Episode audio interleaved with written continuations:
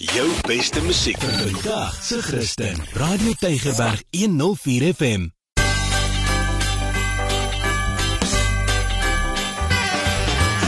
Alles wat lekker is op Tygerberg 104 FM met Ingrid Venter en Annelie de Pre.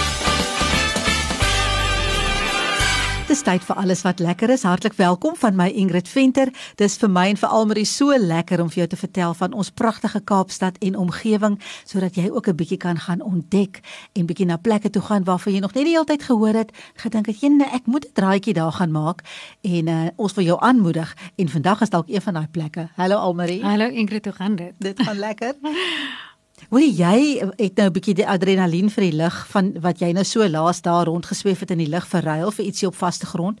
Nou Kaapstad spog met baie museums, maar veral die Isiko Museum van Suid-Afrika. Dit is dan regtig 'n besonderse besonderse plek. Jy het onlangs daar gaan besoek af lê. Ja, en weet jy wat ek het die voorreg gehad om eendag in Londen, ek hou van museums besoek en toe was ek by hulle National History Museum. En ek moet vir sê ons hoef nie terug te staan in Suid-Afrika nie. As jy nou kyk na die Ezekiel South African Museum wat geleë is daar in die kompanjietuine waarvan mm. ek en jy al gesels het. Ek het sommer nou op een dag eintlik drie vleie met een klap aangepak en ek sê net nou vertel ek was maand toe ook in terug gewees so ek is nie seker die oh, adrenalien is heeltemal weg nie. Hoorie maar vertel 'n bietjie vir ons van die Suid-Afrikaanse Museum dit is al gestig in 1825. Ja, dit is baie lank terug en soos ek nou genoem het, dit is in daai mooi tuine geleë. Die geboue is ook histories op sigself en miljoene besoekers is al daar deur um, wat almal aangetrek het is die historiese versameling wat hierdie museum bied en dit wissel van fossiele tot ou insekte tot historiese gereedskap wat ons kan sien hoe mense oor die weg gekom daai tyd toe hulle nog min gehad het. Mm -hmm. En dit huisves 'n half miljoen eksemplare van wetenskaplike belang. Nou jy kan net dink hoeveel items is dit. Mm. En die versameling wissel nou soos ek sê fossiele wat byna 700 miljoen jaar oud is tot insekte, visse wat verlede week nou weer gevang is. So en dan is daar nou soos ek sê hierdie klipwerktuie van wat 120 000 jaar gelede deur mense vervaardig is. Daar's tot tradisionele klere van vorige eeue. Ja. Ehm ja. um, so dit is net jy, jy stap terug in tyd as mm. jy daar instap. Mm. Wat dit so fantasties. Hoeveel tyd dink jy het moet mens uitsit om dit te gaan besoek? Wel, ek sou sê die maksimum tyd wat mense op hierdie tyd toegelaat word, mense moet ook net gaan seker maak want die tye het verander. Hulle vat ook 'n breek op die stadium mm. net om weer te sanitize en al die nodige dinge te doen. Maar ek dink die hoeveelheid tyd wat jy kan op 'n slag benut is 3 ure aan mekaar en ek dink jy gaan dit verseker gebruik ja, vir ja. daai tyd. As jy wil rustig deurstap ja. en regtig lees, sou ek sê 'n hele dag. Ek wil nou net sê want oral is mos al hierdie inligting wat jy kan lees. Jy weet, so jy moet regtig stil staan by 'n ding en dit is so interessant om te lees. Wat is dit nou wat jy eintlik daar sien? Ja. En uh, um, dink jy mens moet van geskiedenis hou om daardeur te stap? Ek dink dit gaan jou van geskiedenis laat hou. Want ek dink dis goed van 'n museum is dat dis visueel sowel as die feit dat jy kan saam met dit lees. Maar ek dink dit praat met elke tipe mens. En op die mm. einde van die dag, ek dink dit is belangrik om altyd te leer en om te weet ook waar dinge vandaan kom, hoe dit vroeër gewerk het, gee ook waardering vir vandag. En jy leer elke keer iets nuuts, vind ja. ek ook. Al dink jy jy weet al alles van diere of van plante of van insekte, jy gaan jouself verbaas. Hoorie toe my kinders klein was, was die dinosourusse dit was nog soos jy daar ingekom het die jong dit was indrukwekkend vir hulle mm. ek dink ja? wat jy was so klein teen dit maar wat was nou vir jou die indrukwekkendste Ja, weet jy, ek ek dink daar's so baie goed wat uitstaan, maar wat jy weer eens net opval is as jy nou 'n walvis geraamde lewensgroot daar sien hang. Ja dit tref jou net elke keer hoe klein jy eintlik as ja. mens is. So daai het beslis ook vir my uitgestaan in terme net van hoe klein ons maar werklik is. En dan is daar ook 'n plek waar jy 'n foto kan neem in 'n haai se kaak. Oh. Dit is nou ook meer een van die ouer hopelik uitgesterfde haie, ek weet nie. Maar dan besef jy ook, jy wil nou nie noodwendig in die see swem as die naby jou is nie. Hoorie nee, het jy nie teruggedink aan daai fliek in Night at the Museum nie toe jy mm. daardeur stap?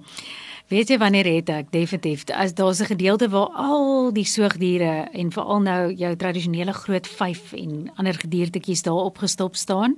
En as jy so verbyloop dan kyk jy maar twee keer of daai leeu se oog nie weer vir jou loer nie. Dit was 'n goeie fliek geweest daai. So ek wil regtig ouers aanmoedig, vat julle kinders vat julle kinders om te gaan kyk. Hierdie museum is regtig van die hoogste hoogstaande gehalte. Ons hoef hmm. regtig van niemand terug te staan nie en dit is nie so duur nie. Ja. Jy kan 'n hele uh, um, ek wil nou sê 'n hele halwe dag, maar dit klink nou verkeerd. Jy kan 'n halwe dag ja. daardeur bring met jou kinders en hulle gaan hulle absoluut vergaap aan wat hulle sien en weet jy wat kinders se kaartjies tot en met 17 jaar kos net R15. Dit is volwassenes so R30. Ja. Dit is een van die beste lekkerste uitstappies wat jy vir jou kind kan gee. Ja. So ek wil mense regtig aanmoedig. Gaan kyk maar miskien net weer na hulle ure. Ek dink hulle sover ek weet is op Maandag toe. Vir die res is hulle oop. Maar gaan net na die Iziko Museum of South Africa op hulle webtuiste gaan jy al die inligting kry. Almal jy het nou hier in die begin van die program gesê jy was nou sommer maand toe en terug ook nê. Klink nou ja. vir my 'n bietjie gevaarlik. Wat het jy gedoen? alles darm uit die gemak van 'n stoel. Ja, so ek was by die Iziko Planetarium wat dit is aangeheg aan die museum. En hierdie Iziko Planetarium en digitale dome is die mees gevorderde digitale planetarium op die vasteland van Afrika, Ingrid.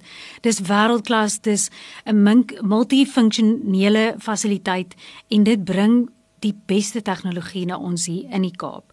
En um, dit vat jou op 'n absolute virtuele reis deur die heelal. Dit is net vir my ongelooflik hoe mens daar kan sit in 'n stoel en jy voel letterlik of jy in die ruimte sweef en jy sien hierdie objekte van naderby.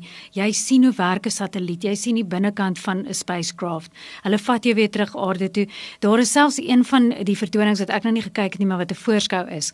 Waar hulle nou soos wat hulle mikroskopies binne in 'n lyf ingaan, jy dan op hierdie reis vat in 'n menslike liggaam. En dit is lewensgroot, verstaan jy voor jou. Hmm. Dis ongelooflik. Ek wil die hele tyd gaan. so watter vertoning het jy gekyk?